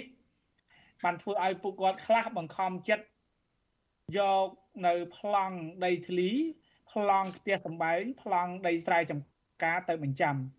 ហើយនៅកន្លែងខ្លះទៀតនៅពេលដែលបញ្ចាំទៅធនាគារឬក៏មីក្រូហិរញ្ញវត្ថុបានបង្ខំចិត្តគាត់ឲ្យធ្វើការលក់ឡៃឡុងឬក៏ លក់នៅក្នុងតម្លៃថោកដើម្បីបានប្រាក់សងត្រឡប់ទៅពួកគាត់ដោយសារតែយើងដឹងហើយថា អ្នកចំការមួយចំនួនដូចទូយ៉ាងខេត្តត្បូងឃ្មុំក្នុងអាទិត្យមុនខ្ញុំបានជួបគឺថាយ៉ាងតិចណាស់មួយគ្រួសារជាប់នៅបំណុលធនាគារឬក៏មីក្រូហិរញ្ញវត្ថុ4 4 4 4ហើយគាត់ខ្ចីមកធ្វើអីគាត់ខ្ចីមកបកបកើនផលអ្នកខ្លះដាំអាមេរិកអ្នកខ្លះធ្វើដំឡូងអ្នកខ្លះដាំពោត និងធ្វើផ្សេងផ្សេងធ្វើចង្កាស៊ូជាដើមប៉ុន្តែនៅក្នុងបរិបទ COVID-19 វាយលុកហើយនឹងកត្តានៅបញ្ហាវិបត្តិសេដ្ឋកិច្ចពិភពលោកពិសេសគឺសង្គ្រាមនៅអ៊ុយក្រែនផងធ្វើឲ្យផលិតផលកៅស៊ូផលិតផលម្រេចដំឡូងមីជាដើមហ្នឹងលក់ទៅកាន់ទីផ្សារมันបានល្អប្រសើរតម្លៃថោកធ្វើឲ្យគាត់ហ្នឹងជាប់ជំពាក់ពាក់ព័ន្ធនឹងបំណុលហើយមានធនាគារនិងមីក្រូហិរញ្ញវត្ថុបង្ខំចិត្តឲ្យគាត់ឬក៏ដាក់សម្ពាធឲ្យគាត់ហ្នឹង ធ្វើការលក់ឡៃឡុងនៃទ្រព្យសម្បត្តិរបស់គាត់មានទូយ៉ាងដីស្រែចម្ការក៏ដូចជាផ្ទះសម្បែងហើយនឹងមានវិធីសាស្ត្ររូបភាពផ្សេងផ្សេងបង្ខំឲ្យពួកគាត់ហ្នឹងធ្វើយ៉ាងម៉េចត្រូវតែសងបំណុលឲ្យបានលឿនឆាប់ទៅកាន់ធនាគារមីក្រូហិរញ្ញវត្ថុហើយនេះគឺជាប៉ះពាល់ដល់បញ្ហាធ្ងន់ធ្ងរហើយមានអ្នកខ្លះរហូតដល់អានេះនៅផ្ទះអានេះនៅផ្ទះមានមានន័យថាផ្ទះគាត់នៅទីលំនៅឋានខាងមុខ ជាប់ផ្លូវធំអីជាដើមប៉ុន្តែគាត់គ្មានប្រាក់កាសហើយនឹងការខាតបង់ទៅលើការធ្វើស្រែចំការការធ្វើចំការធ្វើដំណាំដាំអីចឹងទៅលក់បានផលិតផលចឹងគាត់បង្ខំចិត្តសងំនៅចំការគាត់ក្នុងព្រៃភាសាអ្នកស្រុកនៅត្បូងឃ្មុំអីគេចេះគាត់ថានៅក្នុងព្រៃព្រោះគាត់មិនហ៊ានចេញមកជួបឬក៏ចេញមកនៅលើផ្ទះធំឬក៏ផ្ទះគាត់ដែលសាងសង់សមរម្យឯងគាត់នៅតែខ្ទមចំការរបស់គាត់ពួកគាត់ថាมันមានថវិកាគ្រប់គ្រាន់ក្នុងការ សងឬក៏បង់ឲ្យបានទាន់ពេលវេលាទៅកាន់ធនាគារឬក៏មីក្រូហិរញ្ញវត្ថុដែលគាត់បានកម្ចីសម្រាប់ធ្វើដើមទុននោះទេអានេះខ្ញុំលើកឡើងគឺស្ថានភាពដែលពួកគាត់ប្រើប្រាស់ឬខ្ចីបំណុលនឹងសម្រាប់តំបមុខរបរកសិកម្មតែម្ដងมันមានសម្រាប់យកមកធ្វើការចងបលឬក៏ទិញសម្ភារៈអីធ្វើផ្ទះធ្វើសំបែងឬក៏កៅប្រើប្រាស់ខុសទេគឺបញ្ហាគឺស្ថិតនៅក្នុងការធ្វើស្រែចម្ការក៏ដូចជា ដាំកស៊ូនិងធ្វើកស៊ូអីជាដើមហើយមានអ្នកខ្លះទៀតសោតលោកសេងបណ្ឌិតយើងដឹងហើយថាប្រហែលខែកន្លងទៅគឺរដូវនៃការប្រមូលស្វាយចន្ទទីគាត់ទិញឬក៏ម៉ៅចំការរបស់គេ ក្នុងតម្លៃមានបងប្អូនខ្លះម៉ៅថាចំការមួយឬ2 3ហិកតាហ្នឹងតម្លៃ3ទៅ4000ដុល្លារប៉ុន្តែនៅពេលលទ្ធផលនៃការប្រមូលផលស្វាយចន្ទទីគាត់លក់អត់ចំណេញ បាទគាត់ម៉ៅ3000អញ្ចឹងទៅគាត់ប្រមូលផលលក់ទៅវិញបានតែត្រឹម2000អញ្ចឹងគាត់ត្រូវជាប់បំណុលគេ1000ដុល្លារអញ្ចឹងហើយកន្លែងនេះហើយដែលដែលធ្វើឲ្យគាត់ខាតឡុងចុងនៃនៃបញ្ហារបស់គាត់ហ្នឹងពួកគាត់មិនអាចសងបងការប្រាក់ឬក៏សងត្រឡប់ទៅវិញនេះជាបញ្ហាប្រឈមហើយនៅក្នុងខេត្តព្រៃវែងខ្លះដែរអ្នកខ្លះជាប់បំណុលយូរឆ្នាំរហូតដល់អឺ រាល់ថ្ងៃនេះគាត់ស្ទើរតែបញ្ចាំផ្ទះបញ្ចាំអីហើយគាត់មិនហ៊ានទៅជួបហើយមានអ្នកខ្លះខ្ញុំសួរសំណួរថាហ៊ានត្រឡប់ទៅស្រុកកំណើតពេលបនជុំបិណ្ឌគាត់ថាគាត់មិនហ៊ានទេពីព្រោះថាធនាគារឬក៏ភ្នាក់ងារមេរ៉ាញ់មីក្រូហិរញ្ញវត្ថុហ្នឹងគឺរងចាំទាគាត់ឬក៏ឃើញមុខគាត់អញ្ចឹងវាជាការព្រួយបារម្ភឲ្យគាត់បាន បញ្ចាំនៅទ្រព្យសម្បត្តិ បំណុលឬក៏ប្លង់ដីអីខ្ទេចខ្ទីឲ្យដើម្បីដោះស្រាយនៅបំណុលនេះផងដែរបាទនេះជាការសង្ខេបផ្លេចពីបាទអរគុណលោកថេសវិនបន្តិចទៀតខ្ញុំនឹងត្រឡប់មកលោកជាថ្មីម្ដងទៀតពាក់ព័ន្ធនឹងបញ្ហាផ្សេងផ្សេងជុំវិញរឿងចម្ពាក់បំណុលវ៉ាន់កនេះបាទដោយអង្គការជាតិនិងអន្តរជាតិមានអង្គការលីកាដូអង្គការសមាគមធៀងថ្នោតនិងអង្គការសមត្ថភាព បានរកឃើញជាបន្តបន្ទាប់មកកាលពីពីមុននោះឃើញសមាគមលីកាដូនិងសមាគមធៀងថ្នោតបានរកឃើញថាមានប្រជាពលរដ្ឋនឹងប្រមាណជា3លានគ្រួសារបានកំពុងជាពាក់បំណុលធនាគារគឺជាពិសេសជាពាក់បំណុលទៅលើមីក្រូហិរញ្ញវត្ថុហើយថ្មីថ្មីទៀតទៀតសោតនេះគឺថាអង្គការលីកាដូក៏ហើយនឹងអង្គការរបស់អាល្លឺម៉ង់មួយក៏បានរកឃើញដែរថាប្រជាពលរដ្ឋប្រហែលជា160000នាក់កំពុងតែបង្ខំចិត្ត លក់ដីដើម្បីដោះស្រាយបំណុលធនាគារឬមួយក៏បំណុលមីក្រូហិរញ្ញវត្ថុបាទឥឡូវនេះដោយសារតែខ្ញុំបានឃើញលោកអំសម្បត្តិអញ្ជើញចូលក្នុងកិច្ចពិភាក្សានេះហើយខ្ញុំបាទសូមជម្រាបសួរជាថ្មីម្ដងទៀតលោកអំសម្បត្តិបាទបាទសូមលោកអំសម្បត្តិបើកម៉ៃទីបានទេបាទបាទជំរាបសួរបាទបាទ ដោយសារលោកអំសម្បត្តិនិងអង្គការមួយចំនួនបានធ្វើសេចក្តីថ្លែងការណ៍និងធ្លាប់បានសិក្សាស្រាវជ្រាវអំពីបញ្ហាបំណុលនេះចង់ឲ្យលោកអំសម្បត្តិលើកឡើងដោយសង្ខេបបន្តិចតើនៅយើងមានមូលដ្ឋានអីខ្លះនៅក្នុងការចុះសិក្សាស្រាវជ្រាវក្នុងការប្រមូលសំណាក់នៃការពពលរដ្ឋជំពាក់បំណុលធនាគារឬមួយក៏មីក្រូហិរញ្ញវត្ថុដោយតែអង្គការសមត្ថៈអង្គការលីកាដូបានចេញសេចក្តីរាយការណ៍នៅពេលថ្មីៗនោះបាទ បាទសូមអរគុណយើងចង់បញ្ជាក់ថាចាប់ពីឆ្នាំ2019មកទល់ពេលឥឡូវនេះ គឺអង្គការនៅក្នុងស្រុកដែលយើងមានអង្គការលីកាដូអង្គការសមធរកម្ពុជា អង្គការសមាគមធៀងថ្នោតបូករួមទាំងអង្គការសិទ្ធិមនុស្សមួយចំនួននិងសហជីពមួយចំនួនគឺយើងបានធ្វើការសិក្សានិងស្រាវជ្រាវរួមគ្នា ហើយយើងចេញបានរបាយការណ៍បន្ទាប់ពីនេះគឺ9ទី1គឺរបាយការណ៍នៅឆ្នាំខែសីហា2019ដែលនិយាយអំពីអឺការធ្វើឲ្យខូចខាតដល់ទ្រព្យបញ្ចាំយើងសំដៅទៅលើបញ្ហានៃការបាត់បង់ដីធ្លីហ្នឹងហើយរបាយការណ៍ទី2គឺតកតងជាមួយនឹងរឿងបំណុលវ៉ាន់កសម្ពាក់បំណុលវ៉ាន់ក ដែលយើងចេញនៅខែឧសភាឆ្នាំ2020ដែលមានការចូលរួមពីសហជីពនិងអង្គការដៃគូហ្នឹងហើយរបាយការណ៍ទី3គឺការងាររហូតដល់ជាពាក់បំណុលវ៉ាន់កផងដែរហើយនឹងការចំណាក់ស្រុកបាទរបស់ពលរដ្ឋដោយសារការជំពាក់បំណុលហ្នឹងហើយចុងក្រោយនេះគឺយើងចេញរបាយការណ៍អំពីសិទ្ធិទទួលបានការអនុគ្រោះចំពោះកូនបំណុលអញ្ចឹងជាសរុបមក ការធ្វើការស្រាវជ្រាវរបស់យើងកន្លងមកហ្នឹងគឺយើងធ្វើការករណីសិក្សាដែលមានមូលដ្ឋានច្បាស់លាស់និងការស្រាវជ្រាវច្បាស់លាស់ហើយគោលបំណងនៃការស្រាវជ្រាវគឺយើងចង់ស្វែងរកថាតើបញ្ហាដែលកើតឡើងអំពីកូនបំណុលឬក៏កម្ចីហ្នឹងវាមានការរំលោភសិទ្ធិមនុស្សខ្លះដែរឬទេឬក៏មាន ប៉ុណ្ណាអញ្ចឹងទៅយើងធ្វើការសិក្សាស្រាវជ្រាវ3របាយការណ៍ហ្នឹង4របាយការណ៍ហ្នឹងគឺមិនសូវខុសគ្នាទេទី1យើងឃើញថា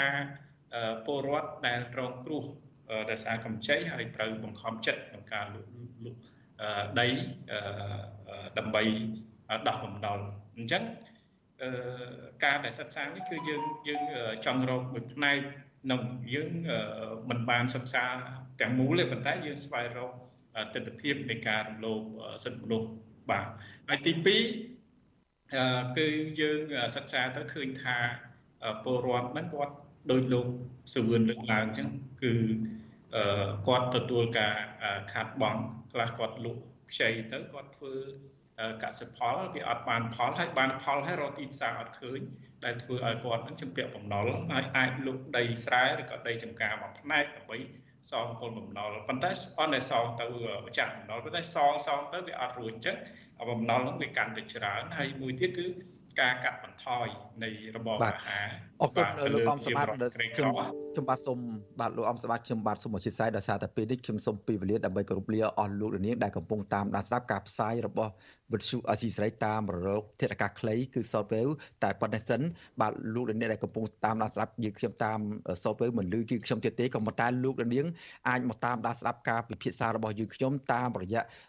បណ្ដាញសង្គម Facebook និង YouTube បន្តទៀតដែលយើងកំពុងពិភាក្សាអំពីការជំពាក់បំណុលពាន់ក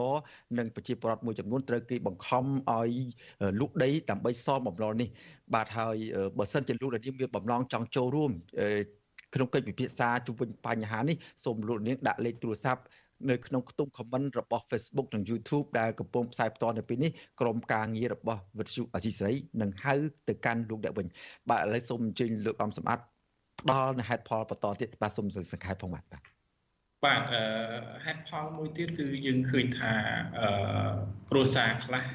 គាត់កាត់បន្ថយនៃរបបអាហារដើម្បីសន្សំប្រាក់ក្នុងការសងត្រឡប់ទៅ ម្ចាស់កំដរឬក៏មីក្រូហិរញ្ញវត្ថុវិញហើយមួយទៀតគឺយើងឃើញថាគ្រួសារមួយចំនួន គឺបង្ខំចិត្តឲ្យកូននឹងឈប់រៀនដើម្បីជួយធ្វើការដើម្បីសងបំណុលរបស់ពួកគាត់នឹងបាទអានឹងគឺជាយើងឃើញថាមានផលប៉ះពាល់ច្រើនសម្រាប់គាត់ហើយគ្រួសារខ្លះវាមានដល់ការបែកបាក់គ្រួសារគ្រួសារខ្លះទៀតហ្នឹងគឺមានបញ្ហាវិបត្តិផ្លូវចិត្តធ្ងន់ធ្ងរ ហើយគ្រួសារខ្លះទៀតហ្នឹងក៏ទទួលការបង្ខំឬក៏ការគំរាមពីមន្ត្រីអន្តទានមួយចំនួនក្នុងការខំឲ្យទៅខ្ចីប្រាក់ឯកជនដើម្បីសងបំណុលអីជាដើមនេះដែលជាបញ្ហាដែលយើងរកឃើញកន្លងមកនៅក្នុងរបាយការណ៍របស់យើងហ្នឹងហើយថ្មីថ្មីនេះយើងឃើញថាអង្គការវិទ្យាស្ថានមួយគឺវិទ្យាស្ថាន សម្រាប់អភិវឌ្ឍនិងសន្តិភាពរបស់អាល្លឺម៉ង់ដែលមានការគ្រប់គ្រងពីក្រសួងសហព័ន្ធអាល្លឺម៉ង់ប្រតិបត្តិសេដ្ឋកិច្ចនិងអភិវឌ្ឍយើងហៅកាត់ថា BMZ ហើយ BMZ នេះក៏មានការផ្ដល់ទុនមកមីក្រូហិរញ្ញវត្ថុនិងធនាគារ